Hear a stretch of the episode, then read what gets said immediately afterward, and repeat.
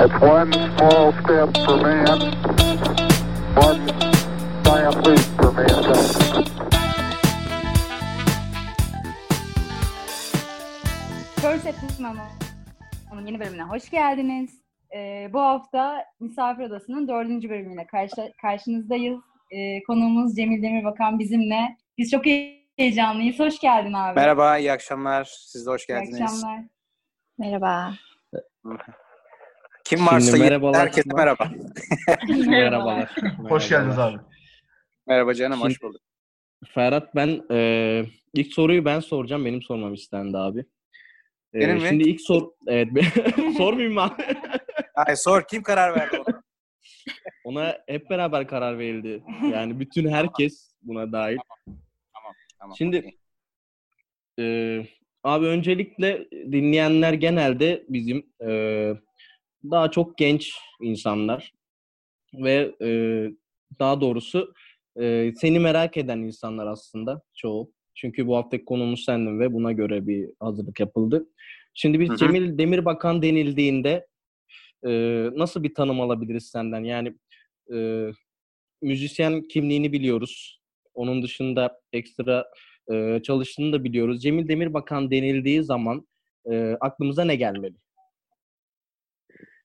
Vallahi yani kendi adıma bir şey söylemem zor ama yani hani e, derin bir bu basit gibi gözüken derin bir soru sordun şimdi. E, Aslında basit evet. Ya şöyle e, müziğe başlama ve e, şu ana kadar olan kısmını kısaca bize özetleyebilirsin. Evet abi. aslında aynen aslında öyle bir cevap vermem sanırım daha şey olacak hani Hı hı. kendimi nasıl anlatırım şeklinde. Çünkü hani insanın kendini anlatması zor. Ya ben Ankaralıyım. Ankara'da işte. Ankara'da bütün e, ilk orta öğretim hayatım orada geçti. Üniversiteyi de orada bitirdim. Gazi Üniversitesi Endüstri Mühendisliğini bitirdim. E, müziğe e, başlamam da e, yani yarı profesyonel olarak üniversite yıllarında oldu. E, tabii bizim e, zamanlarımız işte hangi yıllardan bahsediyorum? 88'de üniversiteye girdim. Hani böyle gerçekten Türkiye'de ve dünyada müziğin e, hala dinlenen pek çok grubun böyle hani zirveye çıktığı yıllar Hı hı. baktığın zaman özellikle rock gruplarının, e, pop rock gruplarının vesaire. E, inanılmaz yani müziğin e, kıymet gördüğü, insanların müziğe bugünkü kadar kolay ulaşamadığı canlı müzik ve performansların e, özellikle üniversiteler arasında çok popüler olduğu, insanların canlı müzik mekanlarına gitmek için hafta sonu dört gözle beklediği, e, sonra mekanlara gittiğinde kapısında belki yüzlerce metre kuyruk bekleyip önemli bir kısmının o canlı müzik mekanlarına giremediği, inanılmaz insanların sadece kendi aralarında değil, farklı insanlarla birbirleriyle tanışıp e, birbirleriyle ön yargısız bir şekilde konuştuğu, müziği konuştuğu, hayatı konuştuğu son derece sosyal e, ve zengin bir dönemdi. Yani benim müziğe başladığım yıllar. O yüzden açıkçası o 80'li yılları e, hem ortaya çıkan o e, inanılmaz iyi grupları hani hatırlıyorum en zirve zamanları açısından çok benim için pek çok grubu keşfetmek için. Diğer yandan e, kendim de kendi arkadaş çevremle birlikte e, müzik yaparak ve iyi bir dinleyici olarak çok dolu dolu geçirdim açıkçası. Yani hala unutamıyorum. Şimdi 50 yaşındayım ben. Baktığım zaman geçmişe belki herkes için aynı şey geçerli olabilir ama benim için e, üniversite hayatı yani kampüs içerisinde üniversitelerde çok renkli değildi ama müzik sayesindeki çevrem çok iyiydi. Ankara'nın farklı üniversitelerinden çok iyi müzisyen arkadaşlarım e, ya da hayatla ilgili fikri olan yığınla arkadaşım vardı. O yüzden çok dolu dolu geçti e, üniversite yılları. E, bir memur ailesinin çocuğu olarak büyüdüm. Son derece huzurlu, mutlu, sevgi görerek, annesi babasının tarafından değer verilen, son derece mütevazi bir ailede yetiştim. Sonra işte endüstri mühendisliği okudum. Çok bilerek girdiğim bir bölüm değildi aslına bakarsan. Yani hani o dönemlerde daha endüstri mühendisliği yeni yeni tanınan, bilinen bir meslek olmaya başlamıştı. Ben de zaten tercihlerimin büyük bir çoğunluğu matematiğimde iyiydi işte ortaokulda, lisede falan vesaire. Çok sevmesem de dersler ama iyiydi yani. Ee, ve matematiğim iyi olduğu için de genellikle mühendislik, mimarlık tarzı bölümleri yazmıştım. Puanım da Gazi Üniversitesi Endüstri Mühendisliğine yetti ve oraya girdim. İyi ki de okumuşum. Her zaman söylüyorum yani endüstri mühendisliğini. E sonra üniversite bittikten sonra askerlik görevini yaptıktan hemen sonra üniversitedeki e, müzisyen bir grup arkadaşımla bir araya geldik. İnanılmaz güzel bir repertuar oluşturduk. 60'lar, 70'ler, 80'ler e, e, şeylerinden oluşan hem Türkçe hem yabancı. Yani Beach Boys'undan işte Beatles'ına, Roy Orbison'dan işte Fikret Kızılok'a, Levent Yüksel'e ki Levent'in daha ilk albümüydü hmm. o zaman falan. Mesela inanılmaz iyi bir repertuarımız vardı. Ondan sonra onunla, o grubu grupla beraber Antalya'ya gittik. İşte yazı boş geçirmeyelim, çalalım diye ki ben askerden yeni dönmüştüm zaten. Fakat bir hafta on gün dolandık Antalya'da ama iş bulamadık hiçbir yerde. Yani hiç kimse kapısını bile açıp bizi dinlemek istemedi ama son gün yani Ankara'ya dönmeye karar verdiğimizin bir gün öncesinde, ertesi gün Ankara'ya dönmeye karar vermiştik. Çünkü cebimizde üç kuruş parayla gitmiştik Antalya'ya. Hepimiz de memur çocuğu olduğumuz için cebimizde doğru düz para yoktu. İşte böyle şeylerde, pansiyonlarda, çadırda falan kalıp paramızı idare ettik ama artık yani bir dönüş paramız kalmıştı. İşte bir gün evvel Antalya'da Belek yöresinde o 40 derece sıcağın altında yürüyerek teker teker otelleri gezerek resepsiyonlara giderek işte müzisyen arıyor musunuz, müzisyen arıyor musunuz sonra sonra gezerken artık tesadüf akşam üzerine doğru o dönemin en popüler otelinde yani Divan Oteli'ydi ismi o zaman. Hı hı. İşte Koç, Divan Otel, Divan, Koç Holding işletiyordu orayı. Divan Oteli adı altında. Orada bir şekilde e, iş bulduk. Uzun bir hikaye ama bulduk neticede orada.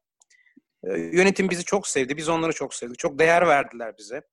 Yani o dönemde bile hatırlıyorum müzisyenin bu kadar değer verilmiş olması hep genç adamlardık yani 23-24 yaşında adamlar. Çok değer verdiler yani bize. Güzel odalar verdiler. Sigortamızı yatırdılar. iyi bir maaş verdiler. Güzel bir e, kalabileceğimiz müstakil ev verdiler vesaire. Hakikaten çok onur ettiler bize yarışta. Orada iki sene yaptım ben bordrolu müzisyen olarak. Sigorta girişiminde o yıllarda oldu diye hatırlıyorum. o yüzden, o yüzden ay, emekliliğime az kaldı yani sağ olsunlar. Ondan sonra işte hayat çok tesadüflerle çok çok önemli tesadüf hayatta. Sonrasında orada işte rahmetli Onunla Tunç'la tanıştım. O bir gün geldi beni bir programda dinledi. Sesimi beğendiğini söyledi. Benimle çalışmak istediğini söyledi. Telefonları aldık verdik uzunca bir süre telefonla görüştük. benim tam İstanbul'a prodüksiyon için geleceğimin yani böyle çok az bir süre kala uçak kazasında kendi kullandığı uçakta biliyorsunuz işte bir kaza yaptı Hı-hı. ve vefat etti. Hı-hı. Fakat o Aynen. vesileyle Sezen Aksu'nun haberi varmış durumdan. Sezen Aksu'ya ulaştım. O beni İstanbul'a çağırdı. İstanbul'da geldim ve ondan sonrası o günden bugüne yaklaşık 25 senelik İstanbul macerası onunla Tunç'la tanışmam vesilesiyle başlamış oldu.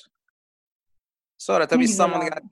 Neler yaptım? İşte bir mühendis olarak bir gazeteyle yani işe girdim. E, Koç Holding'e bağlı bir firmaya girdim. Orada mühendis olarak çalışmaya başladım. 2-3 ay çalışırım ayrılırım derken 10 sene orada çalıştım.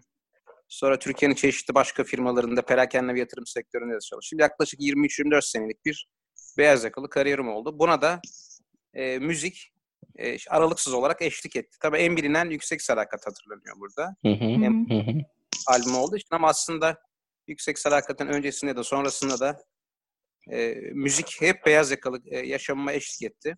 Daha doğrusu müzik yaşamında beyaz yakalı kariyer eşlik etti diyelim. Yani her zaman müzik benim planımdaydı. Ve bugünlere kadar geldik abiciğim. Abi çok iyi. Ee, şimdi ben özür dilerim Ferhat. Heh, tabii. Buradan bir şey merak ediyorum da Büşra bu arada ben şeyi sormak evet. istedim. Evet, ee, evet. Çok uzunca bir süre mühendislik yapmışsınız ya. Neden? Müziği de çok seviyorsunuz. Yapmak evet. istediğiniz yoksa hani şartlar mı öyle gerek gerekiyordu? Elinizde olsaydı sadece müzikle ilgilenmek ister miydiniz? Bunu merak ettim. Ya tabii aslında hani bunu bunu hani müziği seven her insan e, hayatının e, herhalde öyle tahmin ediyorum. Büyük bir çoğunluğu müzisyenlerim. Yani müzisyen ya da müziği seven herkes e, karnını doyurabileceğini bilse e, hı hı. ve e, verdiği mücadelenin bir miktar da olsa karşılığını alabileceğini düşünse ülkenin şartlarında herhalde e, bütün hani zamanını müziğe ayırmak için çaba sarf eder ki bunu yapan pek çok müzisyen de var. Ama ben başka hı hı. bir yol Yani biraz karma bir yoldu bu. E, çünkü İstanbul'a geldiğimde benim cebimde beş kuruş param yoktu. Ailemin de bana ne kadar istese de verebileceğim maddi destek yoktu. Hı hı. E, şimdi yani düşün e, yani 23-24 yaşında İstanbul'a giriyorsun. Kalacak yerin yok, cebinde para yok. Yani, hiç ne yapacağını ne edeceğini bilmiyorsun. E, o yüzden e, işte bir gazete ilanıyla girdim işe. Aslında bakarsan demin de dediğim gibi çok uzun süre çalışmayı falan düşünmedim iş yerinde. Ama e, çalıştığım firma da e, Migros'a girmiştim ben. O zaman Koç Holding'e bağlıydı. Onlar da benim bu e, müzisyen kimliğime değer verdiler. Şaşırtıcı bir şey Türkiye için ama hani e, en kurumsal firmalarda bile genelde müzik ve sanat deyince herkes bir adım geri durur. Niye? Kariyerinde genelde olumsuz yönde etkiler. Yani benim edindiğim tecrübe ama çok değer verdiler. Ee, yüksek sadakat zamanında bile en yoğun konser döneminde bile çok beni idare ettiler. İşte bazen kafa izin verdiler, bazen geç gelmeme izin verdiler. Ben de işlerimi düzgün yaptım. Sorumluluk sahibi olmaya çalışan bir adam olarak.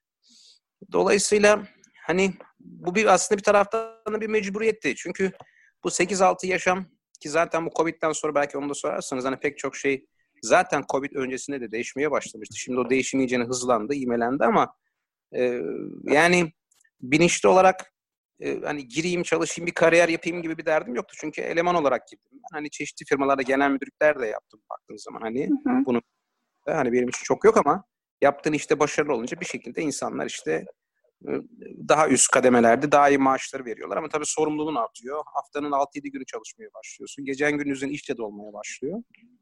Evet Yorucu zor da bir şey. Hani ikisi çok farklı çünkü müzikte yani konserleri falan düşündüğümüzde genelde böyle tabii genelde değil çoğun her zaman akşam oluyor. Diğer tarafa baktığımızda aslında 9-5 çalışıyor gibi. Tabii tabii.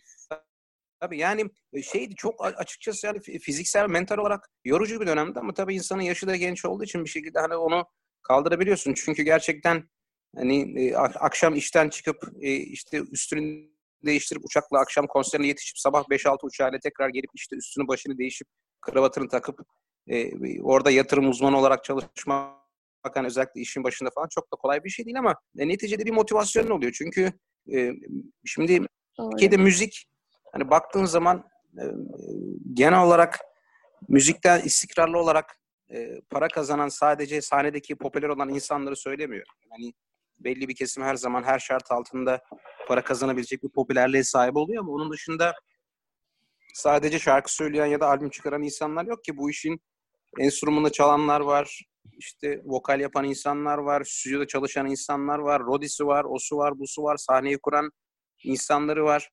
Yani bu insanlar için müzikten istikrarlı bir şekilde, sürekli bir şekilde para kazanmak e, çok kolay bir şeydi. Gerçi her iş için böyle ama bir şekilde 8-6 bir işe girdiğin zaman işte daha düzenli bir şekilde sigordan yatıyor, şu oluyor, bu oluyor. Belli bir işte ortalama gelirin oluyor. Ev kirasının bir kısmını ödüyorsun, faturalarını ödeyebiliyorsun falan gibi durum var. O yüzden aslına bakarsan ben hani bir memur ailenin çocuğu olduğum için, tipik bir Ankaralı memur ailesi çocuğu olduğum için netice itibariyle mutlaka onlardan da aldığım bir şey vardı. Yani hayatın tamamını müziğe e, vakfedip ki bunu da denemediğim zamanlarda olmadı değil. Yani bir dönem denedim ama açıkçası zaman çok hızlı geçiyor. Sen bir sene müzikten istikrarlı bir şekilde para kazanamadığında o bir senenin sana maliyeti 3-4 sene olabiliyor hayatta. Hele ki evlendiysen Hele ki işte evlendiği zaman ne oluyor? İşte bir düğün yapman gerekiyor. İşte yani sonucuma ortak da olsa her şey eşinle beraber ev, daha büyük bir ev kiralaman gerekiyor. İşte çocuğun olduğu zaman işte benim kızım var 13 yaşında. O çocuğun bir eğitim hayatı oluyor. Anneannesi babaannesi çocuğa bakamayacaksa işte bir yardımcı insanın eve gelip sana yardımcı olması gerekiyor. İstanbul çok büyük bir yer çünkü netice itibariyle. Dolayısıyla hani çok aklımdan geçse de istesem de çok kısa zaman aralıkları dışında birkaç kere denememe rağmen maddi olarak o istikrar sağlanamadığı için o hayata hani beyaz yakalı kariyer denen mevzuya devam ettim.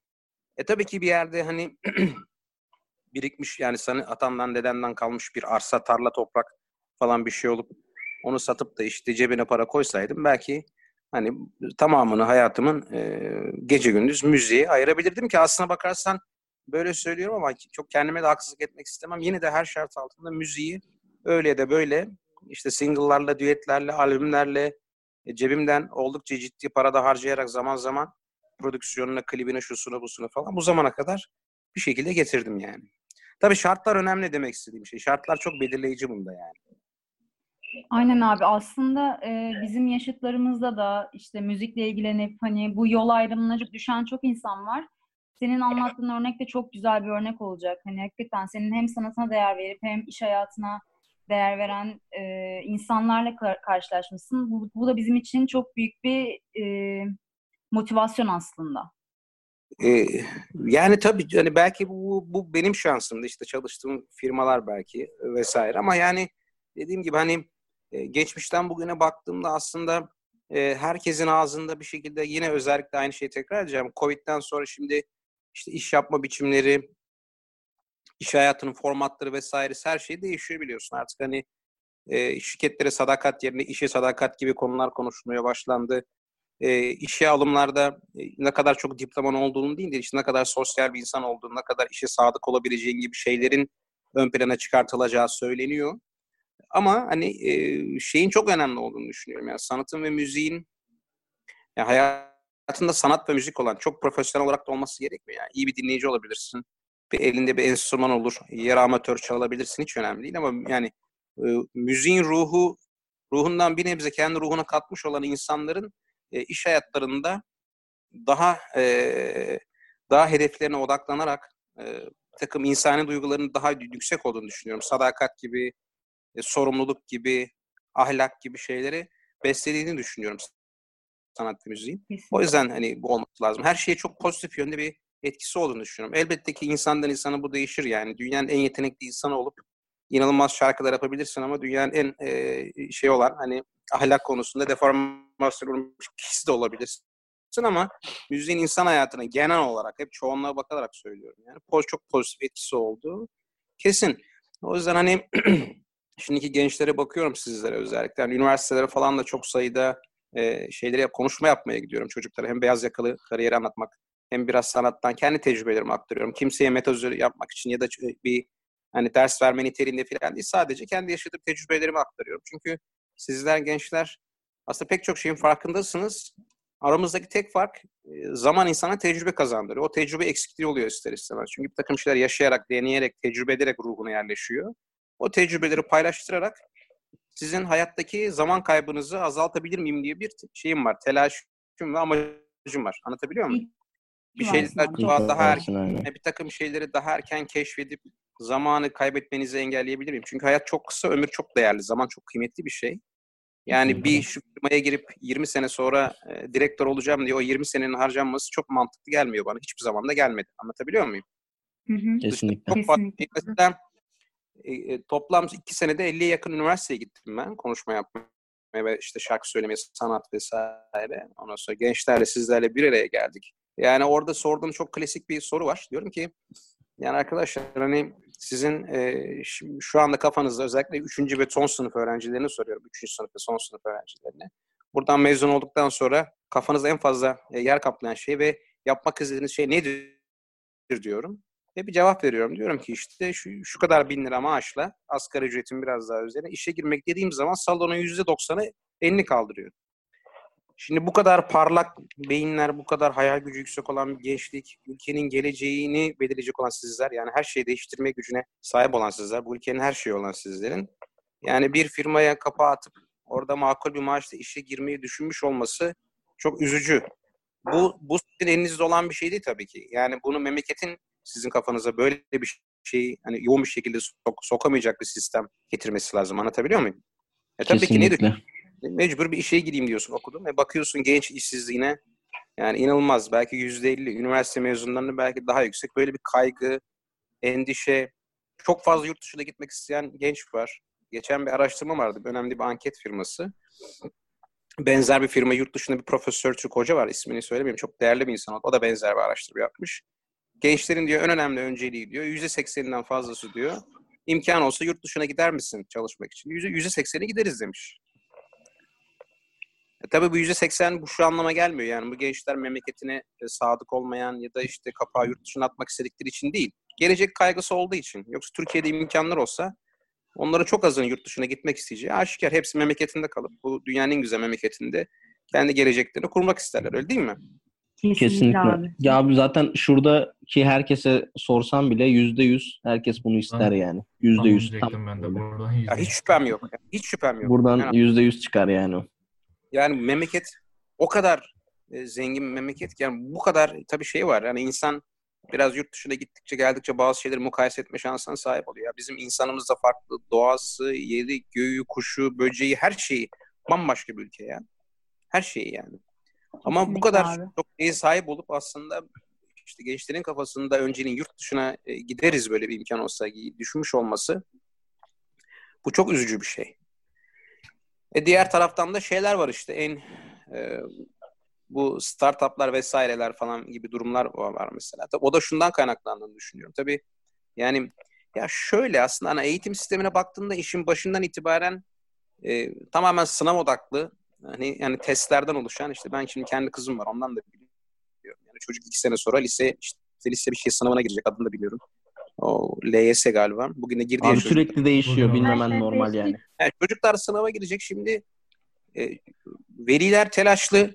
Hani biz gene makul ölçüde çocuğumuza bir şey vermeye çalışıyoruz ama çocuklardan daha hırslı olan ve çocukların üzerine gerçekten ağır bir yük oluşturan veliler de var. Evde özel dersler aldıran, onu yapan, bunu yapan, şunu yapan. Ya bu çocukların duyguları, hayalleri daha şimdiden zaten parça pinçik oluyor. Anlatabiliyor muyum? Ve böyle senin hayal gücü bu hale gelen çocuğun, gencin e, bu kadar bu hayallerini bu kadar hani kepturulursa ileride ne yapabilirsin? İşte ondan sonra 8-6 çalışalım, şu kadar maaş alalım, 10 sene sonra müdür alalım falan noktasına geliyor bu hikaye. Bu çok şey dramatik bir durum. Ben çünkü görüyorum o hayallerin böyle her sene azaldığını, azaldığını, azaldığını, körlendiğini. Ondan sonra bir süre sonra artık hani umutsuzluğun zirve yaptığını e, görüyorum. Bu da şuna sebep oluyor. O zaman hadi diyor gençlerin bir kısmı ya kısa yoldan nasıl para kazanabiliriz? İşte startup firma kursak yapar mıyız? O, o, o da bir an, bir an önce sonuç almak istiyor gençler. Hemen kuralım işte şu kadar milyon dolarlık firma olsun. Bunlar da önemli ama şunu düşünmek lazım. Yani herkesin e, farklı özellikleri var. Yani herkes çok pratik, yaratıcı zekaya sahip olmayabilir. E, ticaret konusunda kafası ona yeterince hani ticarete yönelik bir e, kafa e, olmayabilir. Ama herkesin kendine göre başka özelliği var. Yani hani bir yerde bir tahtayı yontuyorsan, iyi bir marangoz olacaksan onu bile en iyi şekilde yapmak bambaşka bir şey. Ama işte hayat, sistem, insan herkesi aynı yöne ittiği, e, herkes aynı yöne ittiği için hepimiz aynı yöne bakıyoruz. Kesinlikle. Yani şu anki en büyük motivasyonumuz hayattaki hepimizin para. Bir an önce paraya ulaşmak öyle değil mi? Aynen öyle. Aynen. Aynen. İçimizde ne varsa ruhumuzda bizi farklı kılan, e, mutlu edecek, huzura kavuşturacak olan işlerin hepsinden uzaklaşıyoruz.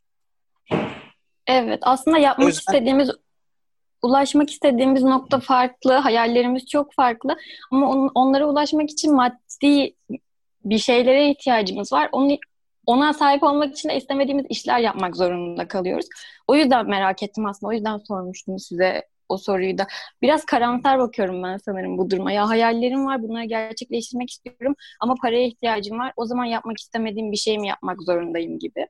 Şimdi şöyle abicim, e, şöyle ben hani bunları söylememin sebebi sizi e, böyle pesimist hale getirmek, sizi üzmek, enerjinizi aşağı çekmek falan için değil yani anlatabiliyor muyum? Çünkü hani çok süslü ve güzel cümleler kurmak çok kolay. Bunu zaten yeterince kişi her yerde söylüyor bu tür şeyleri tamam Hani baktığın zaman. Hani bu işin gerçeği. Bu gerçeklerin hepsinin farkındasınız. Hiç, hiç şüphesiz. Yani bizim kurduğumuz, kuracağımız bütün her şeyin, e, cümlelerin e, ne anlama geldiğini biliyorsunuz zaten. Sadece hani bir abiniz olarak hani bir belli şeyleri yaşamış bir insan olarak baktığınız zaman hani kurumsal e, hayatın, iş hayatının her yönünü bilmiş bir adam olarak, önünü, arkasını, sağını, solunu vesairesini bilmiş bir adam olarak, tecrübe etmiş birisi olarak hala bu durumun dinamiklerin geçerli olduğunu düşünüyorum. Covid sonrası bile pek çok şey değişecek deniyor ama pek çok şey değişmeyecek aslında baktığınız zaman. Bunları söylememin sebebi şu, biz bu gerçekliğin bir kez daha ve bir kez daha farkında olalım. Bu bizi hani umutsuzluğa sevk etmesin, enerjimizi düşürmesin. Hani ben her türlü şart altında İstanbul'da bir tane bile akrabam yokken, cebimde beş kuruş para yokken ben mücadele ettim. Yani hem hem beyaz yakalı kurumsal yaşamda hem de yaşamında hani çok böyle şey de olmasa, popüler olmasa da e, belli bir noktada hani kendimi tatmin edebilecek, kendimi iyi hissedebilecek bazı şeyleri yapmayı başardım. Anlatabiliyor muyum? Dolayısıyla yani hepimizin bu, bu gücü içinde var. Dolayısıyla kendinizi üzün diye söylemiyorum bunu. Ya da hani şey olmasın bu sizi üzmesin ya da motivasyonunuzu aşağı çekmesin yani. Önce kendimizin kim ne olduğunu keşfedelim. E, farklı yönlerimizi keşfedelim. Yani herkesin baktığı yönü hepimiz aynı anda bakarsak atıyorum bir yerde bir pozisyon var diyelim mesela bir firmada. 10 bin tane üniversite öğrencisi başvuruyor. Hepsi aynı pozisyon için aynı hayalle aynı parayı kazanmak. İki kişi alıyorlar oraya. Yani 2 bölü bin oluyor oran olasılık olarak. Yani Ama belki şey belki hani hepimizin başka şeyleri var. Kiminin müziği yeteneği var. Kimi tarımla mesela ne bileyim toprağı seviyorsan tarımla uğraşabilirsin. Onun için şimdiden başlamak lazım. Yani tarım teknolojileri var, o var, bu var. İşte ne bileyim bu yazılım mevzuları var. Dünya kadar e, alt başlıklar var gelişmekte olan. Onlara biraz sebat gösterip zaman e, sabırla e, harcandığında illaki hepsinde e, mutlaka bir, bir noktaya getirirsiniz ve başarabilirsiniz ya. Demek istediğim tek şey yani bu 8-6 yaşam meselesi herkes aynı yöne bakıyor. Bir firmaya girelim, maaş alalım meselesinden biraz sıyrılmak lazım ki aklımızın iplerini salabilelim. Daha rahat ve serbest düşünebilelim.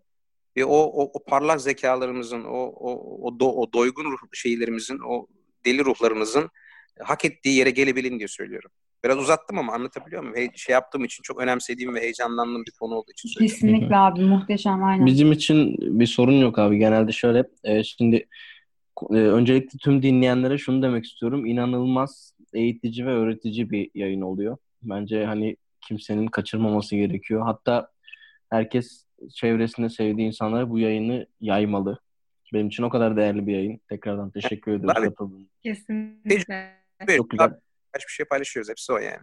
evet. Abi öncelikle birincisi 51 yaşında 50 yaşında olduğuna inanmıyorum. Asla inanmadım. Hiç göstermiyordu. Ee, eyvallah. Sonra, onun, onun dışında Scotch Bright, Bright kardeşler ve Conflex'i duydum. Ondan sonra Yüksek Sadakat var. E, müzik evet. anlamında ben soru sormak istiyorum. Ben de bir müzisyenim bu arada. Hani e, elimden geldiğince bu işi grubumla yapmaya çalışıyorum. Ee, daha çok müzik alanı beni ilgilendiriyor ama aramızda kariyer yani daha doğrusu müzik dışındaki kariyerlerle ilgili soru soracak arkadaşlar, bununla ilgili konuşacak arkadaşlar da var. Tamam canım. Ee, merak ettiğim şey benim bir müzisyen olarak e, şimdi Yüksek Sadakat'ten tanımaya başladık Cemil Demirbakan'ı ve e, ya benim çok hoşuma giden tenor bir ses e, ve böyle hani beklemediğim performanslar dinledim. Ondan sonra solo albümleri dinledim. Yani Ceviz Ağacı'na bayıldım mesela. Onun evet, dışında 6 ay önce Yazgı çıktı. Onu biliyorum. ee, bu şarkıları yaparken abi mesela Yüksek Sadakat'teki albümdeki şarkılarda senin payın var mı? Ee, neler yaptın?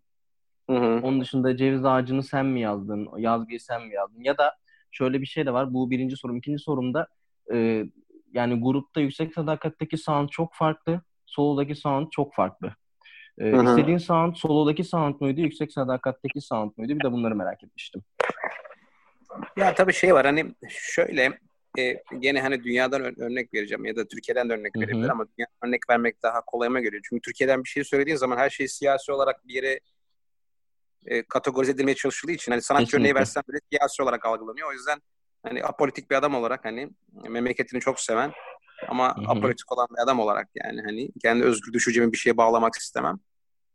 O yüzden yurt dışından örnek veriyorum. Yani hı baktığı zaman yurt dışında geçmişten bugün 30 yıldır 25 yıl, 30 40 yıla kadar varan e, birlikleri olan gruplar var baktığın zaman. Aslında o e, grupların e, şeylerine baktığı zaman soundlarına e, ilk başta yaptıkları yani ilk albümlerindeki soundlarına baktığında aslında yıllara sariye o sound'un çok fazla değişmediğini görüyorsun. Hı hı. Yani buna pek çok grubun örneği verilebilir işte. Rolling Stones'u, işte Deep Purple'u, Led Zeppelin'i, e, Metallica Metallica hala inanılmaz aktif çalıyor biliyorsun yani inanılmazlar hı hı, ve, ve hala hatta James Hetfield e, yani 20-30 sene öncesine göre daha da iyi şarkı söylüyor. İnanamıyorum yani. Son evet. dönem konserlerini seyrediyorum. Yani bir insanın hani son derece hakimler inanılmaz yani. Saçlar kesilmiş olsa da seyrekleşse de e, bembeyaz olsa da hala hala yapıyorlar abi bu işi. Adamlar aynı performansla ve aynı tevazuyla çalmaya e, devam ediyorlar.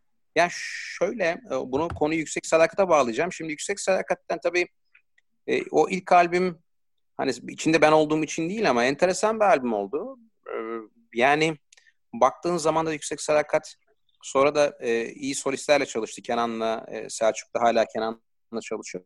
Bunlar çok iyi müzisyenler. Hem şarkıcılar hem iyi müzisyenler. E, Kutlu zaten çok iyi bir şarkı sözü yazarı. İşte Serkan Git yeteneklidir. Çok e, minimal ama çok yaratıcı fikirleri vardır. Deniz Sefa Deniz Alemdar, Alpay Şalt bunlar çok değerli davulculardır. E, Alpay klavye... abiye bayılıyorum abi bu arada. Tabii. klavyede Uğur çok özel bir klavyecidir. Yani bambaşka Uğur bir Nofkut evet. Vesaire. Hepsi çok değerli arkadaşlarım. Hala da görüşürüz sağ olsunlar. Onlar da benim bir takım yapmak istediğim projelere de yakın zamanda destek de veriyorlar. Yani hepsi işte çok güzel abi. vesaire. Hani hiçbir şeyimiz yok. İlk o ilk albümde bir yüksek sadakat sound oldu. Aslında bence hani benim şahsi fikrim yine çok güzel hit şarkılar yaptılar ama hani hit şarkı yaptıktan ziyade sound olarak yüksek sadakatı en doğru tanımlayan albüm ilk albüm bence. Hı. Biz bu ilk albümü yaptığımızda bir gazete Türkiye'nin o zaman büyük gazetelerinden bir tanesiydi. Ee, tam sayfa bir röportaj vermiştik oraya. Röportajın başlığı da doğudan bakınca batılı, batıdan bakılınca doğulu hissiyeti veren bir albüm gibi bir şeydi. Hmm. Çok doğru bir anlamaydı aslında bakarsan ve Kesinlikle. Yüksek Sadakat Sound'unun ne olduğunu çok iki cümleyle özetleyen bir şeydi bu başlıktı yani. Onlar... Abi çok özür dilerim. Bu aklımın iplerini saldımın olan saldım olan albüm değil mi? Tabii tabii. Kafile ha, belki kafile belki aklımın geçer. Sardım, döneceksin per, diye söz ver. Pervane döneceksin diye söz ver. İhtimaller Hı-hı. denizinde vesaire ondan Hala dinleniyor abi. Hala tabii yani kalıcı bir albüm yani. oldu. O bambaşka bir sound çıktı oradan. Tabii e, yani Kutlu'nun ilk ham şarkıları bana getirdiği haliyle şarkıların kayıttan sonraki hali bambaşka tabii ki. Burada herkesin şüphesiz etkisi var ama hani E, şarkıların tamamını Kutlu yazdı ama e, nasıl söyleyeyim bir işte grup olmak böyle bir şey aslında. Yani şarkıları benim Kutlu'nun yaptığı kendi hislerime göre okudum ben şarkıları. Yani o Kutlu'nun kendi yazdığında hissettiği bir şey vardı. Ben o şarkı, aynı şey gibi ya şeyi düşün. Hani sen bir şarkı yaparsın, dinleyici alır. E, hı hı. Şarkı yazan insandan bambaşka hayaller kurabilir. Öyle mi? E, ben abi. bambaşka hayaller kurup belki de yani bambaşka demeyeyim ama önemli ölçüde ayrışan bir takım hayaller kurdum ve e, şarkıda söylediğim için o hayaller sözle ve melodiye döküldüğünde yani şarkıcılık yorumuna döküldüğünde şarkıların aslında formatı oldukça değişti. Anlatabiliyor muyum? Hı hı. Tabii işte, e, işte Serkan'ın sonra Serkan gruba girdi. O zaman Cornflakes'le beraber çalıyorduk. 10 sene yakın beraber çaldık. Cover grubundan benim çok eski dostumdur Serkan'da. Onun bambaşka bir bakış açısı vardı. İşte Deniz'in başka bakış açısı. Uğur'un bunlar bir araya geldi. Duygusal açıdan da çok yoğun bir dönemden geçtik. Yani benim ailemde bir takım e, büyüklerimin tarafında sağlık sıkıntıları vardı. Çok duygusal bir dönemimdeydim. Kutlu'nun herhalde üretim açısından böyle patlama yaşadığı bir dönemde her hafta bir şarkı yazıp getiriyordu. Yani birbirimizin enerjisi bizi hepimiz o kadar etkiledi, o kadar yükseldik ki mevzuya. Hani bir taraftan işte benim duyduğum o hüzün, o duygusal süreç, e, yani kimimizin pozitif enerjisi vardı, kimimizin işte böyle üzüntülü bir süreci vardı. Bunların hepsi bir araya geldi, bir karma oldu. Ortaya bu şekilde bir albüm çıktı. E, dolayısıyla hani e, sorunun cevabı dedin ya abi katkıda bulundun mu diyor şarkı sözü bestesi. Sözü bestesi ve yani katkıda bulunduk, hep beraber bulunduk ve aslında o yüksek sadakatin sound'u o hit şarkılar ortaya çıktı aslında bakarsın. Anlatabiliyor muyum? Anladım, yani, cevabını böyle vereyim. Şey, e, işte sound olarak istediğin sound yeni yaptığın şarkılarla olan sound yani, mu yoksa öyle, eski sound mu? Yüksek sadakat zamandaki sound'u açıkçası tercih ederim. Hani bunu açık açık Hı-hı. söylemek base görmüyorum. Çünkü e, o zaman o şarkılara zaman ayırabildik. Ben de bir solist olarak hani o şarkıların üzerine durup e, dinleyip söyleyip defalarca hani kendi kendi iç, içimde ruhumda ne uyandırdığını buluncaya kadar onu keşfetmek zaman aldı ve o o o şeyle emekle o, en doğru hissettiğim şekilde şarkıları okudum. E, daha sonraki şeylerde işte Sony Müzik'ten bir albüm çıkarttım Karışık Kaset diye. O da iyi bir albüm 2012 senesinde. Sonra işte Meyra ile düetler ben işte Ceviz Ağacı ve başka tekliler yaptım arada. Fakat e, o dönemde tabii yüksek sadakat zaman 2005'te çıktı. Ben 2005'te çalıştığım firmada herhalde ya müdür yardımcısıydım ya müdürdüm. Hani böyle çok üst düzey bir yönetici değildim. Tabii yıllar Hı-hı. geçti. Pozisyonum yükseldi. Yükseldikçe sorumluluğum arttı. Haftada 5 gün işe giderken 6-7 gün gece gündüz sabah akşam hani e, çok yoğun bir iş hayatım oldu. Çünkü ben alışveriş merkezi ve perakende sektöründe çalışıyordum. Alışveriş merkezlerinin gece olmuyor yani. Cumartesi, pazarı gitmen, denetlemen, bakman, etmen gerekiyor falan. Çok zor işler yani. Hala mesela Covid'de bile şimdi biliyorsun bir sürü çalışan gidiyor. Yazık maskeni takıyorlar, çalışıyorlar. Şey işi zordur. E, hizmet ve perakende sektörü çok zor bir iştir yani. Ondan. Dolayısıyla tabii o sorumluluk e, ve şeyler yükselince böyle hani belli bir işte kariyer yükselince e, şarkılar yapsam da arada e, çok zaman ayıramadım. İşin gerçeği abicim. Anlatabiliyor muyum? Dolayısıyla müzisyenlerle çalıştım yine. Yani yaptığım bütün şarkılarda vesaire işte Karışık Kaseti Artun Ertürk'le yaptım. Pamela'nın e, İstanbul şar- ilk albümünün şarkılarının yazarıdır. Söz ve bestesi. İstanbul seni hapsetmiş biliyorsun. Aynen. Aynen. Evet. Benim Ankara'dan çok eski dostumdur. Çok çok değerli bir müzisyendir. Yani inanılmaz yetenekli bir adamdır. Çok iyi çok iyi Kesinlikle. şarkılarıdır. Artun'la yaptık ama yani o 9-10 şarkı yaptık mesela albümde. Yani ben o 10 şarkıyı falan e, İstanbul'da yaşıyordum. 3-4 kere İstanbul An- Ankara'ya gittim. 3-4 kere gidip 10 tane şarkı okudum diyebilirim yani. Oo. Aslında bu olarak çok sağlıklı bir şey değil. Bazen iyi sonuç verebilir ama e, o Çok şarkının hızlı olmuş ruhuna- abi. Çok hızlı olmuş. o şarkının ruhuna, moduna girmen lazım. Soundla ilgili üzerinde iğne oyası gibi işlemen lazım, düşünmen lazım, tartışman lazım filan. Biraz böyle tabii Artun'un inanılmaz bir yeteneği olduğu için pek çok şey yaptı ama sound konusunda falan çok fazla eksiklikler vardı mesela o albümde. Bazı Hı hı. şarkıların tonları daha aşağı alınabilirdi. Daha yalın çalınabilirdi. Şarkılar çok güçlüydü çünkü. Ve sonra yaptığım işlerde de çok değerli müzisyenlerle çalıştım ama dediğim gibi biraz parça pinçik oldu bu iş. Zaman ayıramadığın zaman. Her şeyde olduğu gibi yani bir şeyle ne kadar çok ilgilenirsen sağlıklı bir şekilde ilgilenirsen, zaman ayırırsan, konsantre olursan sonuç ona göre iyi olur öyle değil mi? Tabii ki de abi. Her Yani zaman. şarkıda çok, çok iyi şarkılar oldu. Yani o düetlerin hepsi bir numara oldu, hit oldu. Ceviz Ağacı çok tuttu. En son yaptığım yazgı radyolarda çaldı vesaire. Bunlar baktığı zaman hani başarı e, denen ölçüte göre değerlendirildiğinde radyolarda çalması ya da listelerde Spotify'da indirme sayıları falan son derece tatmin edici. Ama aslında temel olarak hani benim yapmak istediğim e, biraz daha onların üzerinde uğraşıp daha istediğim noktaya çekmek isterdim. Hani en son yazgıda bunu biraz yakaladım çünkü yazgıda şeyle çalıştım. E, Tarkan Gözü Büyük'le ve e, Ozan Tügen'le çalıştım. Biliyorsun Pentagram'dan. E, Pentagram'ın basçısı Tarkan çok iyi bir müzisyendir. Aynen Sadece çok severiz Bir de- abi. E, bir de işte e, şeyle Ozan Tügen vardı. Ozan'la beraber çalıştı. Tarkan ben Ozan. Çok değerli müzisyenler bunlar. Tabii orada başka emeği olan arkadaşlar. Yazgı mesela biraz daha istediğim sound'a geldi ama bir, bir şarkı yaptık tabii ki. Bunun devamını getirmek lazım. Ve çaba harcamak lazım aslında. Şartlar ne olursa olsun uğraşmak, geri basmamak, mücadele etmek, her dayak yedikten sonra yeri düşüp bir daha kalkmak, bir daha devam etmek, bir daha kalkmak, bir daha devam etmek lazım. Azimli olmak lazım. İyi düşünmek lazım vesaire. Sorunun cevabı oldu mu? Biraz uzun oldu ama. Yok yok e, sorumun Birçok şeye cevabı cevap oldu abi aynen birçok şeye cevap oldu. Ya ben şeyi merak ettim şimdi e, ceviz ağacı çok e, yüksek bir tıklanma aldı. Ben onu takip ediyordum. En son 10 milyonun üzerindeydi. Ben de şeyi gördüm. soracaksın. Abi kaç para alıyordun genel müdürken? diye. Abi para işlerine giremiyoruz. Diğer müzisyenler üzülüyorlar çünkü durum çok vahim. Abi, yok oğlum biz de işte bir şey yaptığımızda evde oturup duruyoruz yani. ya evet e, o yüzden abimiz zor durumda olmuş. Ya ben Şimdi, ce- çünkü iki, iki, senedir, iki senedir şey bitti o 8-6 yaşam bitti işte yani. Sizin dediğinize getirdik olayı yani. Yani kesinlikle abi, öyle oldu biraz. Ee, bu Ceviz Ağacı ve kendi solo albümlerindeki bütün sözleri sen mi yazdın diye bir sorun vardı abi. Ya bir- bazı bazı Ee, şarkıları benim kuzenim var Ankara'dan Mayan Öztürk. Onunla beraber hı yaptık. hı, Ondan sonra Hı hı. Bazısı mesela Ceviz Ağacı Gü- Gülden Mutlu'nun. O da popüler Hmm. sektörü çok verdi Hı hı. biliyorsun. Söyledi. Yeni Evet. şarkı, şarkı yazdı. Aslına bakarsan ben bir şarkı yazarı değilim. Yani söz ve çok beste e, yani becerebiliyorum aslında ama telaşlı bir adam olduğum için yani çok böyle fazla masanın başında oturamayan e, bir şeyi fokuslanmakta zaman zaman problem yaşayan adam olduğum için e, çok o işi becerdiğimi söyleyemem. Var yani arada yaptığımız, ortak yaptığımız şarkılar, sözünü, bestesini beraber yazdığımız şarkılar var. Ama o konuda çok ne diyelim yetenekli olduğumu söylesem yalan söylemiş olurum yani. Anladım. Ama genel olarak abi duygu anlamında ve söyleme anlamında ben yeterince e, yetenekli olduğunu düşündüğümü söylemek istiyorum aslında. Bir de bu pentagram Heh, dinliyorum abi. e, pentagram konusuna gelince şimdi bizde Erkin var. Erkin inanılmaz bir pentagram fanı. Hani sen pentagramdan Erkin'cim işte ben senin için pentagramdan şunu böyle getirebilirim ya yine dediğin an Erkin burada havalara uçabilecek durumda onu söyleyeyim. Ya ya- İnanılmaz inanılmaz seviyor yani.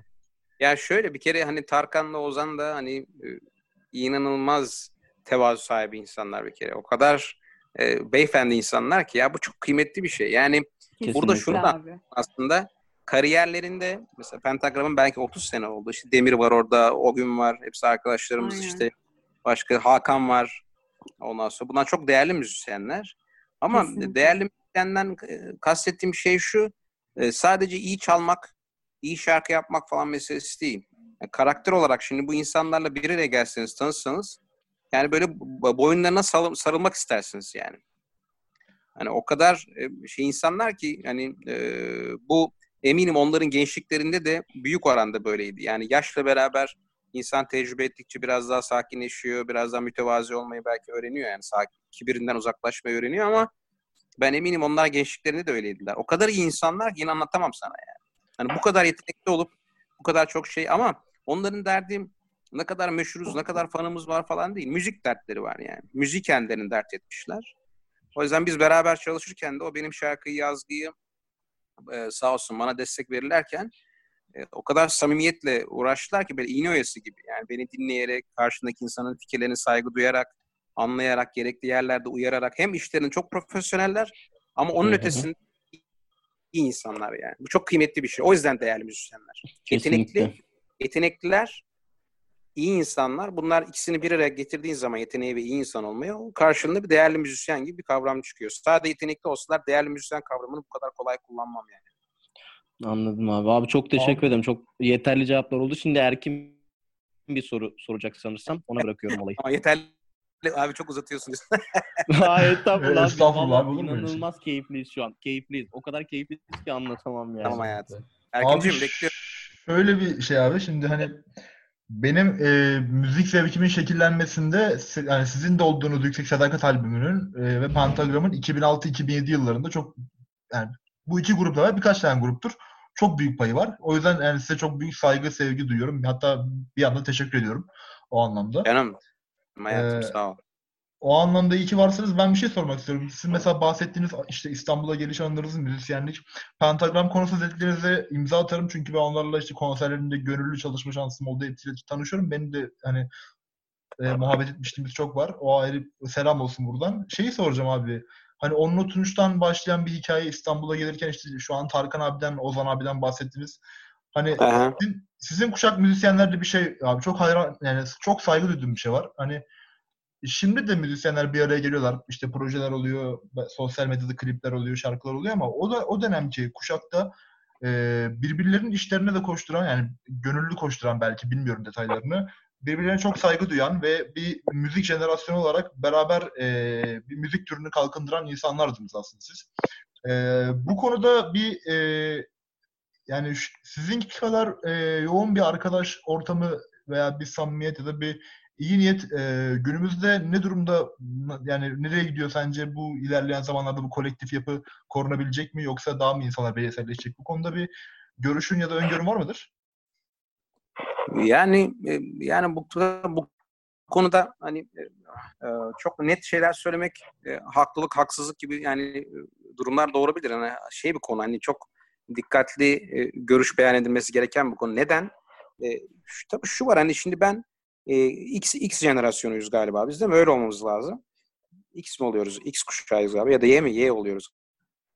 Yok yok. Baby boomerlar. Y biziz abi. Biz X Evet, baby boomerlar kaç oluyor? Onlar 60'ın üzeri. Biz X kuşağıyız. Siz Y'siniz. Şimdikiler de Z falan diye gidiyor galiba değil mi? Doğru. Şimdi Hı-hı. biz yani X kuşağı olarak inşallah yanlış söylememişimdir. Sen konfirm ettiğine göre doğrudur. Kendi dönemimizi biliyoruz. Yani hani benim tecrübe ettiğim şey sadece onu söyleyebilirim. Bir şeylik vardı. Bir iyi niyet. Bir şu anda yok demiyorum. O zaman anlatıyorum. Yani bir heyecan, şöyle söyleyeyim sana. Ankara Üniversitesi Tıp Fakültesi'nde bir müzik kulübü vardı. Tamam mı hayatım? Müzik kulübü vardı. Hı hı. Evet abi. Ee, müzik e, oradan inanılmaz sayıda müzisyen çıktı. Dr. Skull'lar şunlar bunlar falan biliyorsunuz meşhur. Guts falan vardı o zaman inanılmaz güzel rock yap, gruplar vardı. Stüdyoda stüdyoya girip prova yapabilmek için sadece Ankara Tıp'tan öğrenci de almıyorlardı. Çünkü biliyorsunuz doktorlardan çok müzisyen çıkar yani çok e, enteresan bir şeydir o yani. Enteresan değil mutlaka bir anlamı vardır yani. Hani bir mantığı vardır. E, stüdyodan haftada 1-2 saat oradan prova alabilmek için 2-3 hafta öncesinden gençler bizler giderdik yani ki bizim orada işte arkadaşlarımız olduğu için torpilliydik yani her zaman prova yapabiliyorduk ama öncesinde randevu kağıdına ki kulübünde bir başkanı vardı randevu kağıdına şey gibi randevu alınırdı. Yani iki hafta sonra gideceksin, iki saat prova yapacaksın orada. Ne kadar talep olduğunu düşün. Anlatabiliyor muyum? Bak şeye bak, Hı hı. ilgiye, ilgiye bak yani. Şimdi ben üniversitede gidip genç arkadaşlarımla bir araya geldiğimde çok seviyorum gençleri. Yani hakikaten hani benim yani Allah sağlık ömrünü verirse bundan sonraki kendime hayatta edindiğim misyon çocuklar ve gençler. Yani onlara sanat ve müzikle ilgili ne biliyorsam anlatmaya çalışıyorum. Tecrübe ettiğim sadece. İş hayatıyla ilgili de üniversitelere e, işte fikirlerimi paylaşıyorum. O, şimdi üniversitelerin büyük, büyük bir çoğunluğunda bu, bu üniversiteler arasında çok pardon bu üniversiteler arasında e, çok yüksek yüksek puanlarla girilen okullara da gittim. Hani ondan sonra e, Anadolu'da daha mütevazi olan üniversitedeki gençlerin yanına da gittim. Bir kere gençlerin e, bakış açıları, gülen yüzleri, pozitif enerjiler arasında hiçbir fark yok. Yani hepsi hepsi birbirinden değerli ve kıymetli.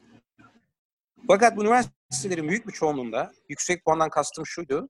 Hani yılların kökleşmiş e, üniversitelerinde bekliyorsun ki sanat ve müzikle ilgili sadece bahar şenliği ya da işte bir kaşesini verip X bir sanatçıyı getirip sahneye çıkarmaktan bahsetmiyorum. Müzikle ve sanatla ilgilenen insanların sayısı görmek istiyorsun değil mi onları? Üniversite içerisinde. Yoksa bir şenlik yapmak falan değil sadece ki onlar da çok azaldı. Ondan sonra Evet büyük bir çoğunluğunda müzik kulübü bile yok biliyor musun?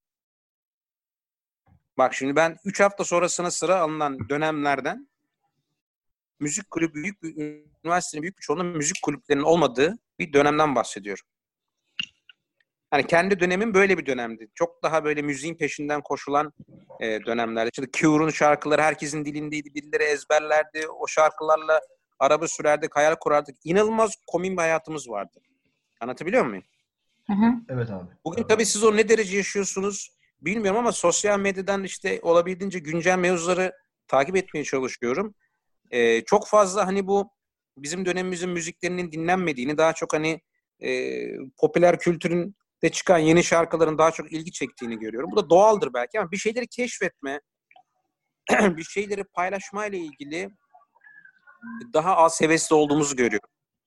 Anlatabiliyor muyum? Kesinlikle abi. daha az hevesliyiz. Yani biz üniversitede arkadaşlar akşam evde işte bazı arkadaşlarımız kendi evinden ailesinden uzakta gelirlerdi. 2-3 arkadaş ev tutarlar. Şimdi de öyledir yani mutlaka. Mütevazi bir ev. İşte o makarna, ketçap partileri vardır ya. Makarna, ketçap, salata, köfte, makarna, ketçap, salata, köfte partilerine çok katıldım yani akşam yemeklerine. Orada ya mutlaka müzikle ilgili bir şey konuşulurdu. Ya, ya biri enstrüman çalar, ya biri şarkı söyler, ya biri keşfettiği şarkıdan bahseder. Bu şarkıları dinleriz, bir daha dinleriz. Anlamadığımız şarkıyı biri anlatır. E, İngilizce şarkıların sözlerini biraz an, o zaman internet yok. Kıvırtan biri varsa İngilizceyi işte ODTÜ'deki arkadaşlarımız vardı. Onlar işte şu şu anlama geliyor diyor anlatır filan. Yani bunu o sohbetin, muhabbetin içerisinde mutlaka sanatla, müzikle ilgili bir şey mutlaka olurdu ya. Bunu hatırlıyorum çok net. Eğer siz de böyle yaşıyorsanız ne hala? Abi Şimdiki jenerasyonun gibi, yani şimdiki jenerasyon tabii yani e, ben 25 sene öncesinden bahsediyorum. 25 sene artık bu çağda çok uzun bir zaman değil. Yani dünya değişiyor yani. Yani iki sene sonra ne olacağını, önümüzdeki sene ne olacağını bilmiyoruz. O kadar hızlandı ki her şey. E siz de bu zamanın içine doğdunuz. Dolayısıyla hani biz sadece size tecrübelerimizi paylaşabiliriz. Siz de bir, bir kısım arkadaş belki işte bunları hani e, şey yapıp bundan keyif alıp abi dur şu şarkıları bir keşfedelim madem öyle falan gibi bir şey yaparsa ne hala ama siz de bu zaman içine doğdunuz. Belki ben Cemil Devrim Bakan olarak aynı kara şeyle aynı ruhla böyle bir zamanda doğmuş olsaydım yani ne bileyim belki üniversitede elime gitarı bile almayabilirdim. Anlatabiliyor muyum? Dolayısıyla bunda sizin haklılık haksızlık diye bir durum da yok yani. Siz de bu zamana doğdunuz. Yapacak bir şey yok. Hiç yapacak bir şey Zaten yok. abi şöyle bir şey var. Biz burada hani e, sen e, belki bilmiyorsundur. Biz burası bir üniversite müzik kulübü to- topluluğundan çıkan bir arkadaş grubu. E, Biliyorum, biliyorum canım. Biz mesela E, herhalde sizden derken ünivers- üniversitelerin geleni kastettim ben. Siz Hı. derken hani. hani Ee, siz de. Abi aynı örneği gibi bir şey oldu sen- bizim yani. Erkin'cim pardon. Ee, şey aynı şekilde sen demin anlatınca müzik kulübü hakkında e, bizim de 9 Eylül Müzik Kulübü'nde 2015 civarlarında dediğin gibi prova almak için e, randevu almamız gerekiyordu. Sıralar oluyordu. Müthiş, bir harika. vardı. Ama dediğin gibi mesela geçen sene bir uğramak için gittik tekrardan. E, kapanmış kulüp tamamen. Al işte bak ne kadar üzücü Evet. değil mi? Aklıma bu gelmiş direkt. Ya şimdi Ben de 9 bunu Eylül'de söyleyecektim, aynen. Kaç bin öğrenci var 9 Eylül'de? Kaç bin öğrenci var? 30 bin Çok. falan mı galiba? Daha fazla. Vardır abi. Vardır. Belki daha fazladır şu anda. Belki daha Ben fazla. yet- 70 bin diye duymuştum. Yanlış hatırlamıyorsam. Yani Doğru. ben hani tahmini demek ki çok daha üzerinde. Bu kadar köklü bir üniversite, inanılmaz e, insanlar çıkıyor, ülkenin geleceğini etkileyen çocuklar çıkıyor, okumuş insanlar çıkıyor, her her konuda her kategoride. Ya işte insan tabii öyle bir yerde gönlünden geçen şey ne hani bir abiniz olarak benim hani bir müzisyen olarak. Ya bu kadar güzel güzide bir üniversitede kardeşim şöyle kocaman bir 100 metrekare stüdyo olsun. İşte dekanlık, rektörlük de neyse kim bakıyorsa bu işe oraya bir 3-5 kuruş para harcasın. Yani bir bilmem ne şenliği oluyor, bir sanatçı çağrılıyor. O sanatçıya verilen parayla dört başı mamur bir stüdyo kurabilir, kurulabilir yani. Kesinlikle. Kesinlikle. Ya. Ben abi davul duyuyor- Bir tane gitar alın, bir bas gitar alın, insanlara bir heveslendirin filan. Yani e, bunu, bunu, bunu ben anlamıyorum ya. Yani bunu hakikaten sebebini gerçekten e, üzülüyorum yani. Ama diğer taraftan bir konser oluyor mesela. Konsere 10 bin kişi geliyor. E demek ki o iyi bir dinleyici şeyi var yani. O şarkıları dinliyor insanlar, gençler atlıyor, zıplıyor, şarkılara eşlik ediyor. E, birbirinizi belki etkilemeniz lazım. Anlatabiliyor muyum yani? Gençlerin birbirini tebrik etmesi lazım. Hadi arkadaş Abi gel. de- Hadi bunu Aynen. yapalım. Belki o eksik. Aynen. Biz mesela karantina döneminde e, müzik kulübünden böyle güzel arkadaşlarımızla beraber böyle bir podcast yapmaya karar verdik. Ve hani çok ani bir kararla sizin gibi hakikaten bizim için çok güzel yol, yol gösterecek bir insanlara ihtiyacımız vardı. O yüzden hani sen senin gibi insanlar çok güzel fayda çekebildiğimizi çektik bir bakıma. Çok teşekkürler bu söz, sözlerin için. Hakikaten bizim için hani böyle ku- kulak ardı edilecek laflar değil.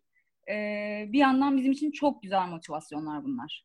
Ya abim bir tanecim bak şöyle o kadar kıymetlisiniz ki anlatabiliyor muyum? Hı hı. Yani bunu hiç bütün içtenliğimle söylüyorum. Laf olsun diye falan hani kayıt mayıt falan mevzuları değil. Yani bu işte çok çok kıymetlisiniz. Ya işte yani klasik şey yani çocuklar ve gençler bu ülkenin geleceği.